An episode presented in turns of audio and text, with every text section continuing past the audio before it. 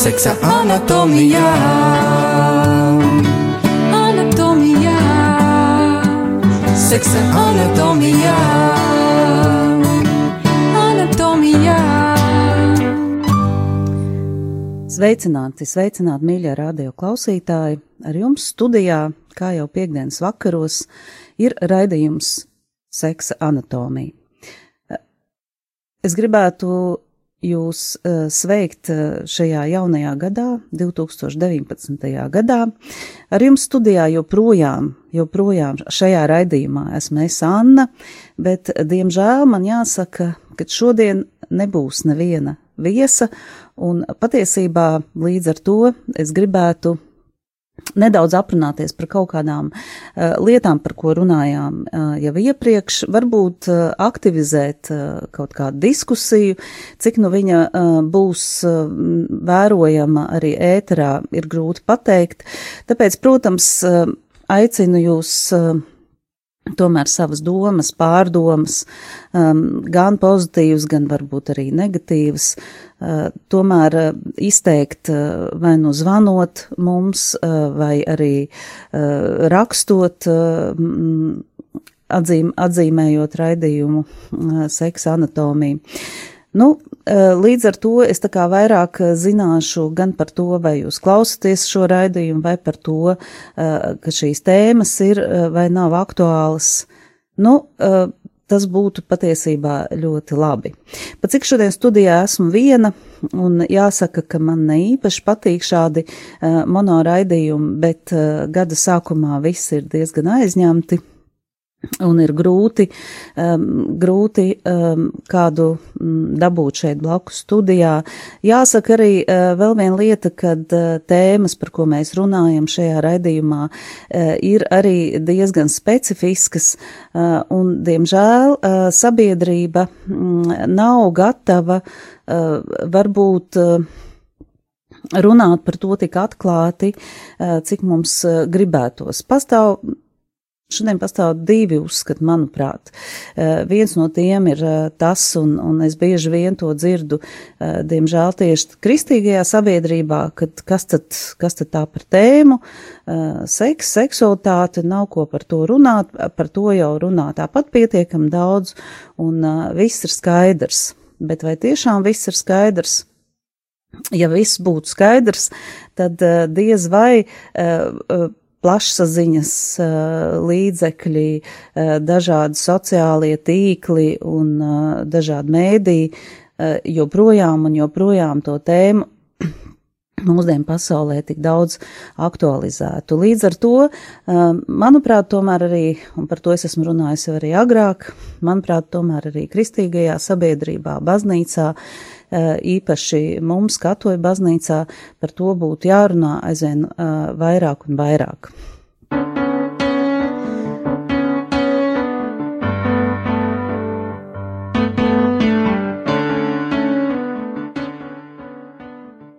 Viena no tādām, vien, viens no tādiem atskaites punktiem, par ko runāja sezonas sākumā, ir uh, šajā sezonā ir bioētika.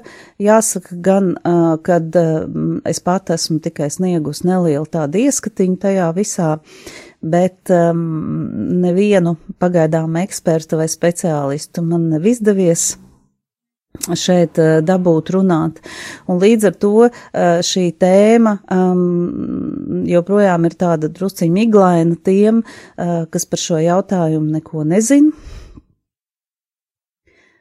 Un uh, es domāju, ka tā ir arī viena no tēmām, par ko uh, šajā kontekstā uh, būtu uh, jārunā. Vēl vienreiz nedaudz atgādinājums uh, no pirmā raidījuma par to, kas ir bioētika. Bioētika būtībā ir uh, jauna disciplīna, kas ir radusies pagājušajā gadsimtā, uh, apmēr, apmēram pagājušā gadsimta 70. gados kas patiesībā nu jau ir gandrīz 50 gadi atpakaļ, pusgadsimts atpakaļ, arī izveidojās uh, nosaukums kā tāds apzīmējums šai disciplīnai - bioētika, kas kļuva arī par oficiālu, uh, oficiālu uh, nu, varētu teikt tā zinātne, bet priekšnosacījumi tam visam bija visu pagājušo gadsimtu un iespējams arī aizpagājušo gadsimtu ļoti daudz strīdi uh, par to, ko var vai nevar darīt ar cilvēku. Un uh, uh, tur tiek apskatīts viennozīmīgi tātad cilvēka rīcības apraksts un novērtējums veselības un dzīvības aizsardzības jomās, un manuprāt, kā tas arī pēc tam Struktūrēti tika arī parādīts, tad, kad tā disciplīna attīstījās, tomēr ar seksuālo jomu tas saistīts ir uh, ļoti, ļoti lielā mērā. Tāpat bioētika apskata medicīnas ētiskās problēmas, sociālās uh, uzvedības problēmas, un atkal mēs te, uh, ja mēs tā padomājam, bet paskatīsimies uh, uz to drusciņu arī dziļāk, tāpat arī politiskie lēmumi kaut kādās noteiktās jomās, likuma pieņemšanā, tieši sociālajā jomā vai medicīnas jomā ir bioētikas redzes laukā. Ja mēs strukturējam bioētikas uh, problēmas, uh, tad uh, parasti, uh, parasti mēs sākam ar to, vai šī zinātne sāk ar to, uh, kad nodala kaut kādas jomas. Un viena no bioētikas redzes laukā nonākušām varbūt jomām ir tieši ģimenes plānošanas joma. Ja, jo ģimenes plānošana ir ne tikai viena cilvēka jautājums, ģimenes plānošana ir ne tikai ģimenes jautājums. Ģimenes plānošana ir arī uh, valsts uh, jautājums, tā, tā jau ir tāda globālāka nozīme, un es domāju patiesībā arī visas pasaules jautājums, jo mēs tomēr gribam lai arī turpmāk šī zeme būtu apdzīvota, lai uh, cilvēki būtu auglīgi, lai bērni dzimtu un lai mēs viņus audzinātu un lai tālāk arī viņiem dzimtu bērni. Uh, līdz ar to ir ļoti daudz diskusijas, kuras um, patiesībā latviski nemaz nav tik ļoti sastopams, bet uh, patiesībā citā literatūrā uh, ir sastopams par to, cik ētiska vai neētiska ir tomēr kontracepcijas izmantošana. Īpaši savā raidījumā es vēlos par to runāt un varbūt ne tikai tā kā runāt, bet šajās 40 minūtēs, kas šodien mums ir atvēlēts, mēs patiesībā varam tikai ieskicēt kaut kādus jautājumus un uzsākt diskusiju uh, par to, um, cik tas ir aktuāli mūsdienās. Nu, kāds varbūt teiktu, uh, ko, ko tad mums tur katoļiem daudz par to runāt, mēs zinām, ka uh, kontracepcija ir neatļauta, Mākslīgā kontracepcija uh, ir cilvēki, kas zina par dabīgām ģimenes plānošanām, ir par, kas tādi, kas nezina par dabīgo ģimenes plānošanu. Um, ļoti bieži kristiešiem ir uh, viedoklis par to, ka tā joma vispār nav cilvēka atbildības joma, ka tā ir tikai un vienīgi dieva atbildības joma, un ka kā dievs uh, lems, tā arī būs. Un te man liekas, jau es esmu runājusi par to, ka uh, visas jomas mēs vēlamies kontrolēt, un es kāpēc tieši šo jomu, kas ir ārkārtīgi ētiska, kas ir ārkārtīgi svarīga gan mūsu dzīvēs, gan mūsu ģimenes dzīvēs, gan mūsu valsts dzīvēs, mēs uh, kontrolēt um, nevēlamies.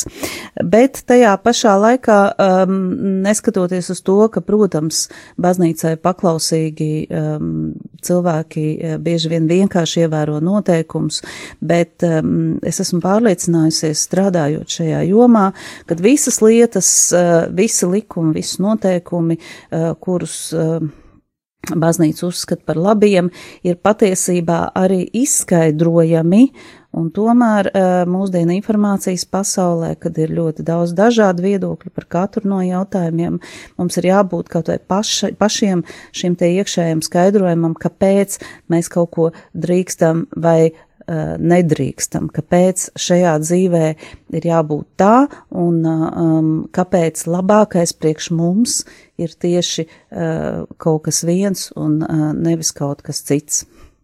Atceros savu laiku, kad vēl uh, vadīju raidījumu kristīgajā rādio, tas bija diezgan pasen, rādio Marijas toreiz nebija, uh, vadīju raidījumu mīlestības trīstūrs, mani uzaicināja uz kādu diskusiju tieši kristīgajā radio, kur kāda sieviete bija tieši katoļu baznīcas pārstāva, bija atsūtījusi diezgan tādu uh, izmisīgu vēstuli par to, kad, nu, kad dzemdēt bērnus viņi nevar veselības dēļ, bet katoļu baznīca, diemžēl, neatļauj lietot prezervatīvus, un tur toreiz tā diskusija izvērtās par diviem raidījumiem Un uh, diskusijas bija ļoti plašas par to, uh, kāpēc gan tik um, vienkāršs līdzeklis kā uh, prezervatīvs, tad uh, mums ir, uh, ja mēs gribam šo te seksuālo baudu tomēr gūt un būt kopā ar savu laulāto draugu, kāpēc nevaram lietot kādu no uh, mākslīgiem vai sintētiskiem kontracepcijas līdzekļiem seksa laikā. Un toreiz es arī sapratu vienu lietu, jo tiešām šajā diskusijā piedalījās diezgan daudz cilvēku. Es pieņemu, tas gan bija tiešām kaut kādus gadus atpakaļ, bet es pieņemu, ka arhīvā turpat bija divi raidījumi, ja nemaldos, un, un, un, un Tā bija aktuālā diskusija, un uh, es domāju, ka arhīvā to noteikti var atrast un noklausīties. Toreiz man jau toreiz ienāca prātā doma uh, par to, ka ļoti bieži ievērojot kaut kāds noteikums dzīvē, mēs īstenībā nesaprotam, kādēļ mēs to daram, un uh, vai mums tas ir labi, vai mums tas nav labi, un uh, nemeklējam pat uh, informāciju par to līdz brīdim, kamēr tas kaut kādā veidā mūs sāks uh, traucēt vai, vai, vai skart mūs, mūs vai mūsu tuvākos cilvēks, vai arī, ja kāds uzdod jautājumus. Uh, tāpēc atgriežoties pie tā, uh, kad viens no bioētikas um, tādiem redzes laukā uh, nonākušiem uh, jautājumiem ir uh, tomēr uh, kontracepcijas, kontracepcijas jautājums. Diemžēl. Tātad, ja mēs paskatāmies tā plašāk un globālāk, nevis tas, ka mēs to darām vai nedaram, ka mums ir savi noteikumi, jo mm, viens no uh, kristietības pamatprincipiem ir tomēr ne tikai ievērot kaut kādus noteikumus, bet skaidrot uh, arī citiem tātad evanģelizācijas procesā. Mums tomēr ir jāskaidro citiem cilvēkiem. Um, dažreiz, nevienmēr, bet dažreiz um, kaut kādas lietas, kādēļ mēs kaut ko darām, ja, un ka tas ir labi Eh, cilvēkam un nevis slikti cilvēkam, kad uh, katoļu baznīca negrib, lai mēs te visi tagad uh, dzemdētu 56 bērnus, jā, un, un sievietes būtu tādas iznīkušas un, un, un, un no, novainātas.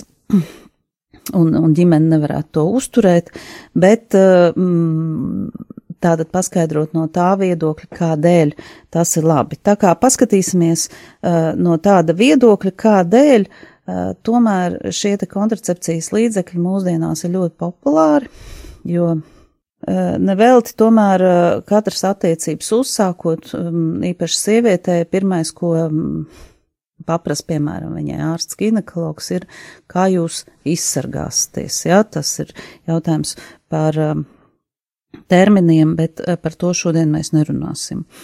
Kas tad īstenībā notiek sabiedrībā? Šobrīd, kad uh, nav pieņemts, uh, diemžēl, tik daudz, eh, daudz bērnu ģimenes, un mēs arī varbūt eh, domājam arī par to, vai varam vai nevaram atļauties, jo bērnu, eh, bērnu ieņemšana un zemdēšana arī ir, es uzskatu, tomēr mūsu atbildība, ne tikai Dieva atbildība, un tā ir tāda varbūt kopīga, mēs sadalam šo atbildību, tā ir līdzatbildība, jo noteikts rīcības rezultātā, jo tomēr tas bērns nāk pasaulē, noteikts noteiktas domas vai, um, nu, noteiktas darbības rezultātā. Uh, tad, uh, ņemot vērā to, ņemot vērā to, kad Šodien varbūt nav uh, tik daudz, daudz bērnu ģimenes, un mēs ļoti plānojam katru nākamo bērniņu, uh, ņemot vērā gan finansiālos apstākļus, gan dzīves apstākļus, gan arī uh, savstarpējās attiecības. Tas ir tas, uh, izvērtējot, ko mēs varam dot, tātad kādam pirmam kārtam, cik daudz mīlestības, jo katram mums ir savi resursi, un uh, Dievs, ka tomēr teica cētajos rakstos, Bairojieties, nu, um, viņš tā kā nenorādīja to robežu, līdz kurai katrai ģimenei tas ir jādara, bet es domāju, ka neviens nevar um, to kādreiz es arī um, lekcijā kāds um, skolnieks arī mm, to teica mūsu lekcijās, kad neviens nevar apart visu zemi, viņam ir noteikti daudz hektāru, piemēram, ko viņš var apart, ja, vai darbs, eh, ko viņš var izdarīt, vai stundas diennaktī, eh, kurās viņš var darboties un kurām viņš arī jāguļ, līdz ar to arī bērni, kas prasa ļoti daudz, Mums katram ir savu resursu, mums tomēr ir jāapzinās. Bet um, kontracepcija faktiski bija izveidota galvenokārt tādēļ, ka um, cilvēki um, At, gribēja atdalīt tomēr seksualitāti no reprodukcijas, jo seks ir ļoti patīkama lieta, reprodukcija uh, nevienmēr, kaut gan būtu jābūt arī vienmēr patīkamai lietai, bet, nu, diemžēl, uh, diemžēl tas viedoklis ir ļoti dažāds, un tā tad gribēja gūt seksuālu baudu nebaidoties uh, ieņemt, uh, ieņemt bērnus. Jāsaka gan, ka uh, tāda simtprocentīga kontracepcija nepastāv, ja nu vienīgi atturība no seksuālas dzīves, to mēs varētu skatīties kā, kā tādu simtprocentīgu kontracepciju. Un kādreiz arī vienā seminārā man bija diskusija ar kādu ginekoloģu, kur ļoti aizstāvēja kontraceptīvās metodas, Mm, viņa teica, ka eh, mediķi eh, joprojām eh, meklē tātad ideālo simtprocentīgo kontracepciju. Uz ko es atbildēju, gan, ka cilvēka ķermenis ir tas, ko mēs varam iepazīt, izzināt un saprast, un patiesībā nav vajadzīgs nogalināt reproduktīvo sistēmu pat arī uz laiku. Seksa. Anatomijā. Seks un tā anatomija šodien pasaulē visvairāk apspriestā un baznīcā daudziem mītiem apvītā tēma. Par to raidījumā Seksa anatomijā. anatomijā. Kopā ar mani Annu piekdienās, pulkstens astoņos vakarā. Anatomijā. Tiekamies! Otrs tieši tas, tas tā kā izriet viens no otru, un to jau es arī minēju, tā tad pasaulē tiecās, tas bija pagājušais gadsimts, kad ļoti par to sāka daudz runāt, tā tad tiecās atdalīt seksualitāti no reprodukcijas. Un Šodien gan mēs runājam par to, ka abi dzīmumi mēģina izmantot viens otru, bet uh, tas sākotnēji, ja īstenībā bija tāda stiprā dzīmuma vai vīriešu vēlme būt ar sievieti uh, tikai baudas gūšanas dēļ un ne, neuzņemoties pēc tam finansiālas saistības par uh, bērnu audzināšanu. Ja? Un te uh, rodas uh, tomēr, uh, manuprāt, ļoti tāda nopietna problēma, kad visa kontracepcija, simtprocentīgi kontracepcija ir vērsta, diemžēl, uz sievieti. Ja? Tātad visi, gandrīz visi, izņemot vazektomiju, visi kontracepcijas līdzekļi, nu, prezervatīvs tas tās diskutabls jautājums, mm, ir vērsti uz to, lai bojātu, bendētu, Eh, un eh, kaut kādā veidā apstādinātu eh, tieši sievietes reproduktīvo jomu. Ja? Vīrietis, kas ir auglīgs nepārtraukti, kas ir auglīgs simtprocentīgi, kas ir auglīgs, varētu teikt, katru minūti, nelieto absolūti neko. Ja? Un te ir tas pirmais, man liekas, mīnus, par ko mēs varētu runāt no tāda bioētikas viedokļa, par kontracepciju mīnus, kad tas, kas ir atbildīgs, vairāk tā kā atbildīgs par šo reprodukciju vīrietis, viņš nedara neko, lai īstenībā mm, izvairītos vai, vai izvairītos no, kā tagad saka, man ļoti nepatīk šis uh, vārds neplānotas uh, grūtniecības. Tātad viss, uh, viss ir jādara sievietē, sievietē, kuras klēpjas, mm, pēc tam kļūst par šī bērna pirmo māju, tad īstenībā tās pirmās mājas mēs ļoti, ļoti izkropļojam ar to. Bet uh, vīrietis, kuram jāuzņemas atbildība, jau šajā procesā, jau pašā startā uh, atbildību absolūti nekāda neuzņemās. Un te es domāju, ka jau problēma kļūst sociāla, uh, jo ja sieviete dēļ vīrieša kropļo savu ķermeni, tas nozīmē, ka viņa pazemo sevi, otra, otrs, otrs ir tas, ka uh, sievietē ļoti stipri samazinās tomēr, piemēram, lietojot uh, hormonālo kontracepciju libido un līdz ar to atkal tā tāda. Tāda mm, atbildība tiek novelt no vīrieša, jo viņš, mm, viņam jau tas libido nesamazinās. Un ārkārtīgi svarīga lieta ir uh, tā, ka uh, šī te atbildības noņemšana no vīriešu pleciem, manuprāt, uh, padara viņam bezatbildīgi arī citās jomās. Un te jau arī parādās tā, tā lieta, um, kas ir kad sociālās uzvedības problēmas parādās caur to, ja, varbūt tiek pieņemti nepareizi politiskie lēmumi, ja, piemēram, atļauti aborti, es domāju, ka visas balstās arī uz šo te bezatbildību šajā jomā.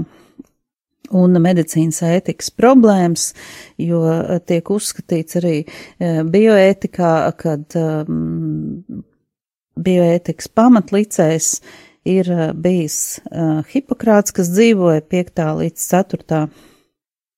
gadsimtā pirms mūsu ēras, un uh, viņa galvenais tas princips bija īstenībā nekaitēt, nekaitēt uh, pacientam nekādā gadījumā. Un tomēr uh, dažādu preparātu izrakstīšana mūsdienās medicīnā uh, tās pašas hormonālās kontracepcijas izrakstīšana. Uh, ir savā ziņā, te mēs runājam ne tikai par fizioloģisko kaitīgumu, bet arī par garīgu kaitīgumu, par emocionālu kaitīgumu, mm, par uh, arī par sociālu uh, kaitējumu. Ja mēs tā paskatāmies plašāk uz šo lietu.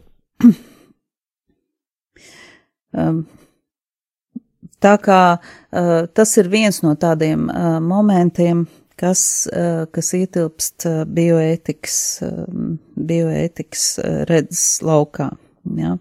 Protams, bioētikai ir vairāki virzieni, un jo vairāk šī disciplīna attīstās tāpat kā jebkura cita, jo vairāk attīstās šī dažādie virzieni, Es ļoti ceru uh, uz kaut kādām nākamajām uh, reizēm um, tomēr uzaicināt kādu lielāku speciālistu šajā jomā, bet tas, ko uh, es gribētu, mm, gribētu teikt, um, kad uh, Mēs nevaram skatīties uz uh, seksu kā tādu uh, tikai un vienīgi no fizioloģiskā viedokļa, jo uh, no vienas puses ir, um, no vienas puses ir um, tomēr šī reproduktīvā puse, un ļoti daudzi uh, cilvēki tieši kristīgajā vidē uzskata, ka seksam ir tikai viena šī funkcija. Uh, procreation, tātad reprodukcija, bet mēs jau esam ar cilvēku kopā ļoti bieži vienkārši eh, kā eh, seksuāli, kā mīlestības izpausmē tādā, jā, jo caur ķermeni mēs paužam to savu atšķirību, seksualitāti un esam pilnīgi ciešā saskarē ķermeņa un, un dvēseles neatdalāmā un unikālā vienotībā.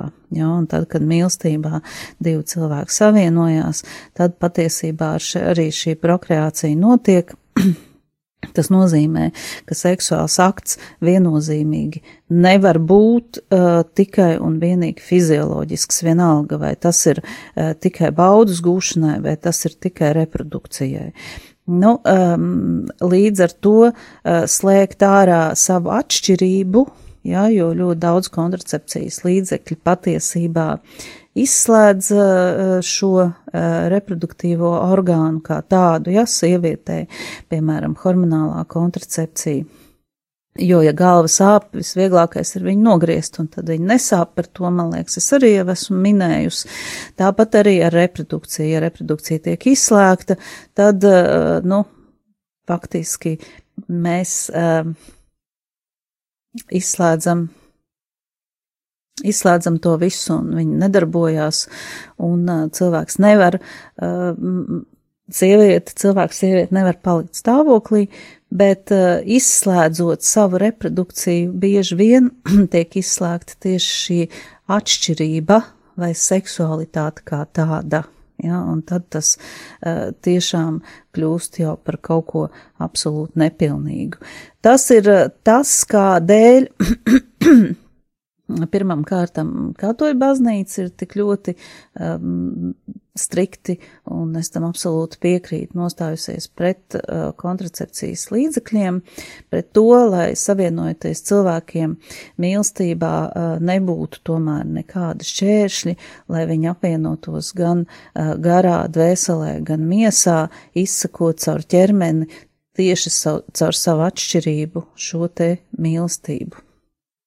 Un tādēļ arī bioētikas kontekstā par to tiek daudz runāts. Protams, strīdi ir ļoti daudz, jo viens no bioētikas virzieniem, kas šobrīd arī mm, attīstās, un es nevaru teikt, ne, diemžēl, ne par laimi, jo man nav laikam tomēr tādas tiesības ne kritizēt, ne kaut kādā negatīvā kontekstā spriest par to. Uh,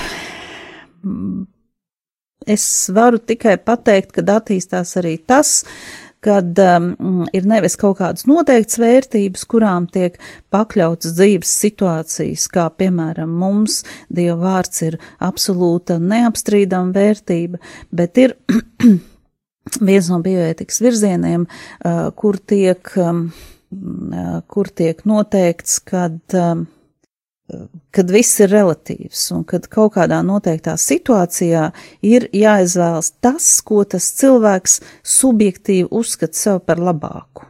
Ja? Un tādā gadījumā, protams, ja es gribu baudu, es uzskatu sev to par labāku, tātad, lai tam nebūtu sliktas sekas, es lietoju kontracepciju. Nu, piemēram, ja, vai arī es nevaru izaudzināt bērnu, bet tas ir noticis, tātad manā situācijā šobrīd subjektīvi būtu uh, vislabāk uh, veikt uh, abortu, ja, un uh, te jau arī ir tas, kad, manuprāt, tomēr Šīs lietas uh, nosaka bieži vien politiskie lēmumi un likumi, kad saka, nu, ja jau valsts ir atļāvusi, ja jau augstākā vara ir atļāvusi, tad es sev arī atļaušu. Uh, esmu redzējusi arī uh, kristīgus cilvēkus un ļoti daudz diskutējusi ar viņiem par šo te kontracepcijas jomu, un, uh, un tas nav viegli, uh, jo kas mūs bieži vien vada? mūs ļoti bieži vada bailes. Bailes no kaut kā, un atrodot komforta zonu, citreiz tur ir kaut kāda punktiņa, kaut kādas, kaut kādas lietas, kaut kādi tādi bīstamie lodziņi ir aiztaisīti ar ne ļoti ētiskām lietām, diemžēl, jā, jo ticība Dievam un pakļaušanās viņam un visu šo te principu ievērošana tā nav tāda, nu, no mūsdienu materiālā viedokļa tāda drošības saliņa, ja, jo sekojot Dievam, mēs varam pazaudēt ļoti daudz ko no tādiem materiāliem, piemēram, labumiem, no tādiem sadzīviskiem labumiem. Un um, no citu cilvēku viedokļu tas iespējams ir pat um, nepareizi vai, vai briesmīgi vai kaut kā tam līdzīgi. Līdz ar to arī um, kontracepcijas jautājums ir tik uh, ļoti aktuāls daudz cilvēku, uh, daudz cilvēku vidū.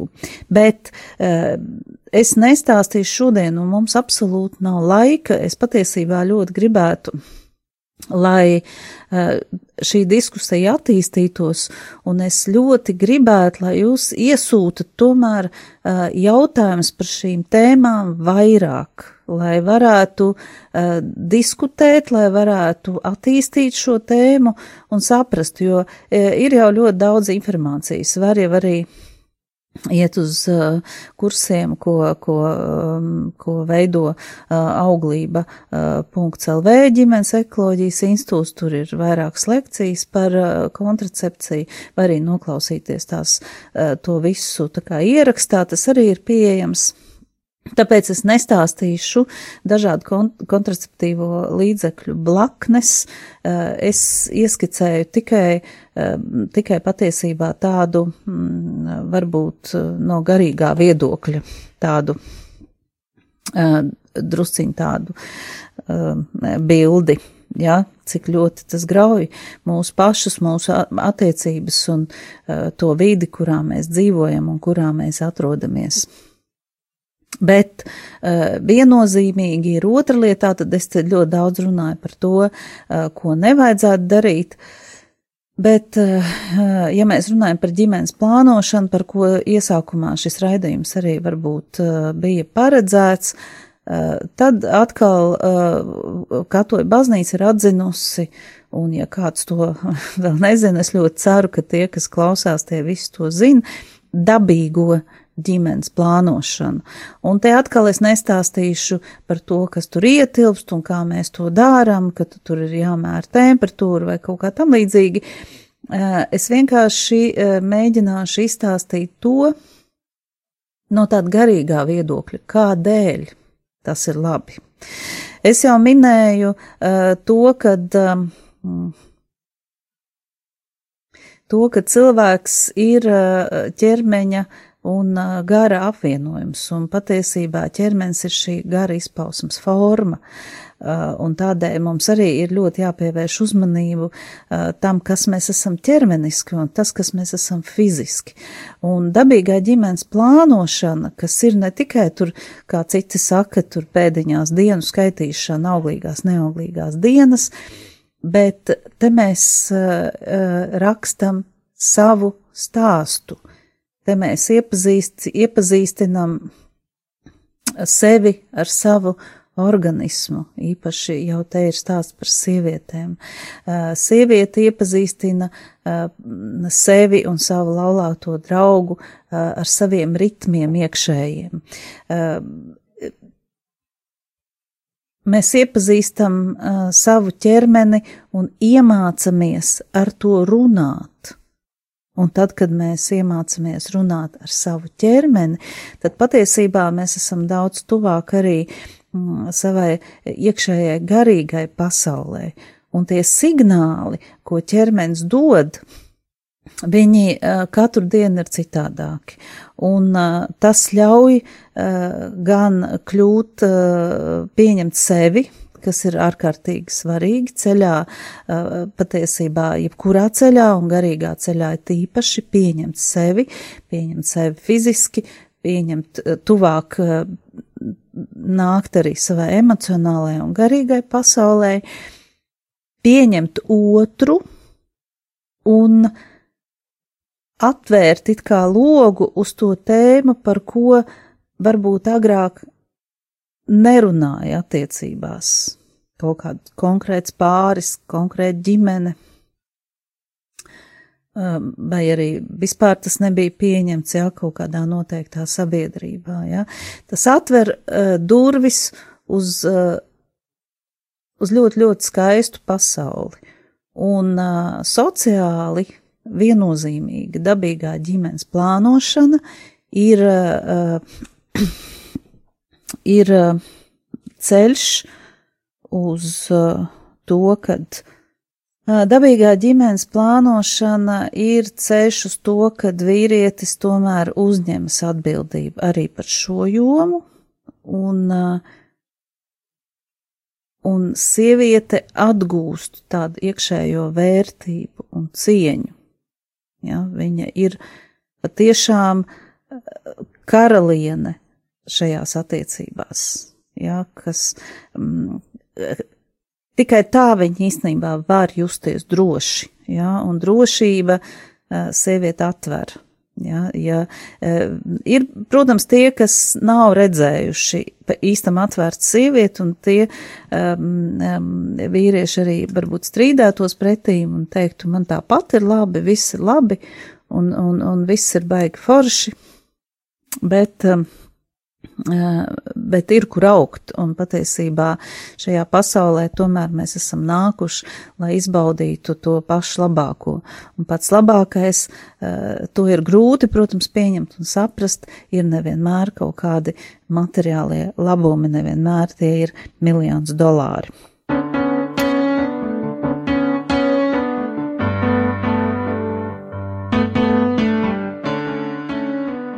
Cilvēks uh, ir brīva un radoša personība.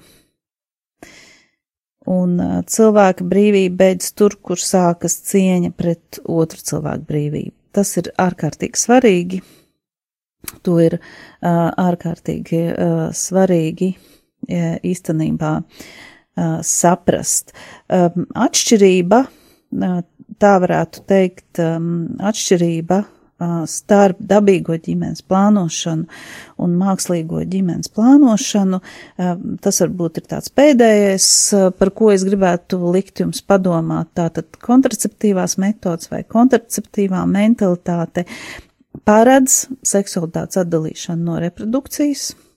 Nu, kāds teiks, ka tas nav nekas traks, bet jautājums, vai mēs saglabājam caur to savu personību un savu atšķirību un auglība tiek uztverta kā slimība. Tā gan, man liekas, jau ir sociāla problēma, bet uh, es labprāt uzklausītu arī jūsu domas. Kā jau minēju, izvairīšanās no atbildības, tomēr sievietes izmantošana, jo tieši sieviete izmanto kontracep kontraceptīvos līdzekļus, jā, pārēdz vairāk negatīvu seku. Šajā jomā nav praktiski dialogu līdz ar to, un uh, bērns mēs sākam uztvert kā draudu. Ja, un tā jau ir tāda, tāda jau sabiedrības tendence. Nu, un, protams, ka par visu ir jāmaksā. Ja? Es domāju, šeit arī naudiskā nozīmē, un lietojot ilgstoši kontraceptīvos līdzekļus, tomēr par viņiem visu laiku tiek izdot kaut kāda nauda. Dabīgā ģimenes plānošana, tas tāds apkopojums, ko es jums šobrīd tā kā dodu, ir cieņa pret cilvēku dabu, Tā tad cieņa pret to, kādu dievs man ir radījis, ja, un viņš nav kļūdījies. Ja mēs lietojam kontracepciju, mēs uzskatām, ka dievs ir pieļaus kļūdu, radot seksualitāti apvienot ar reprodukciju. Tā tad necieņa pret dievu, um, nu, un auglību mēs uztveram kā labumu, jo tas ir arī dieva apsolījums. Uh, atbildība, tā ir dabīgā ģimenes plānošana, atbildība ģimenē, atbildība vīrietim, kā jau teicu, cieņa pret sievieti un rūpes par sievieti, par māti, par ģimenes māti, par dzimtas māti. Nu, ekoloģisks dzīvesveids, tas tagad ir ļoti modē. Dialogs, nu, bērni kā dāvana un apzināts lēmums, tas ir ārkārtīgi svarīgi. Nu, un, protams, ka tās ir sarunas ar savu organismu, tās ir sevis iepazīšana, sevis pieņemšana, kas prasa laiku, jā, bet varbūt neprasa tik daudz izmaksas. Ir, uh, diemžēl, um, cilvēki, kuri ļoti pretojas tam un pretojas tam kaut kā iekšē, viņi uzsāk un viņi saka, ka viņi nevar un ka viņi nevar veidot šo dialogu un kad īstenībā tas ir grūti, bet lielāko daļu tie, kurus es esmu apmācījusi šajā metodē, ir īstenībā pietiekami apmierināti un pat ļoti laimīgi par to, kad viņu dzīvē ir parādījies pilnīgi cits skatījums un pilnīgi kaut kāda cita telpa. Nu, tas ir tas, par ko es varbūt šajā šī gada sākumā, uzsākot šo tēmu, atkal un atkal mm, gribēju tikai mazliet, mazliet ieskicēt. Es jums ļoti novēlu šajā gadā visiem atrast sevi, iepazīt sevi un izveidot dialogu pašiem ar sevi, jo tādā veidā mums būs vieglāk veidot arī savstarpējo dialogu. Paldies jums, mīļie, un tiekamies šoreiz pēc mēneša, jo vēl pēc divām nedēļām raidījums eh, nenotiks, jo eh, būs eh, cita, cita tiešraide. Paldies jums! Visu labu! Seksa anatomijā, anatomijā. Seks un tā anatomija šodien pasaulē visvairāk apspriestā un baznīcā daudziem mītiem apvītā tēma. Par to raidījumā Seksa anatomijā, anatomijā.